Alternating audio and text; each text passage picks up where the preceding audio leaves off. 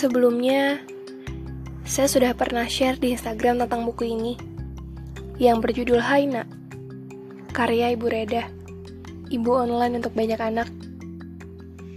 Saya berkenalan dengan karya beliau ini dari karya lainnya yang berjudul Nawila. Banyak yang setuju kalau cerita Nawila membawa kita ke masa kecil yang polos dan selalu penasaran. Bisa jadi pilihan bacaan di hari pekan. Sekarang, saya mau membahas tentang Haina. Di buku ini, Bu Reda bilang bahwa ia menuliskan catatan-catatan untuk anaknya yang tinggal jauh. Tapi bukan hanya untuk anaknya.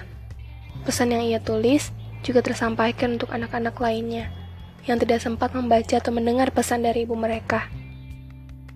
Seperti yang saya sampaikan di Instagram, membaca buku ini seperti diajak berdialog, bercerita, dan bercanda. Hangat.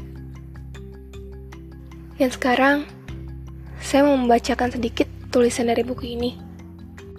Semoga pesan dari tulisan ini bisa tersampaikan juga ke teman-teman semua.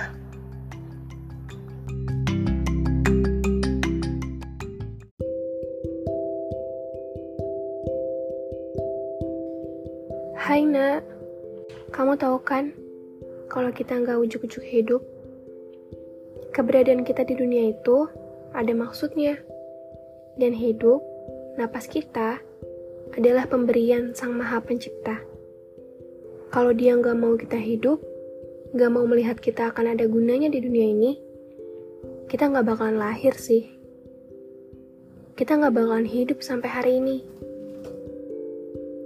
Diusahakan bagaimanapun juga, kalau memang dia tidak mau memberi seutas nyawa pada kita, maka kita nggak bakalan ada.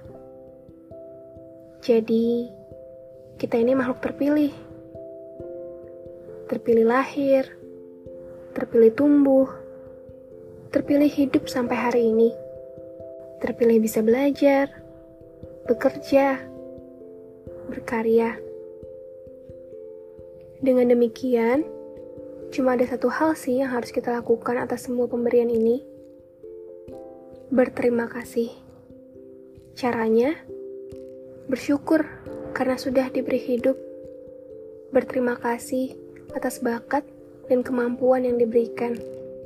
Dan yang paling penting dari semuanya adalah berterima kasih dengan menggunakan apa yang kita punya. Hidup, bakat, kemampuan, kepandaian, karya, untuk kebaikan orang lain. Membuat dunia ini lebih baik.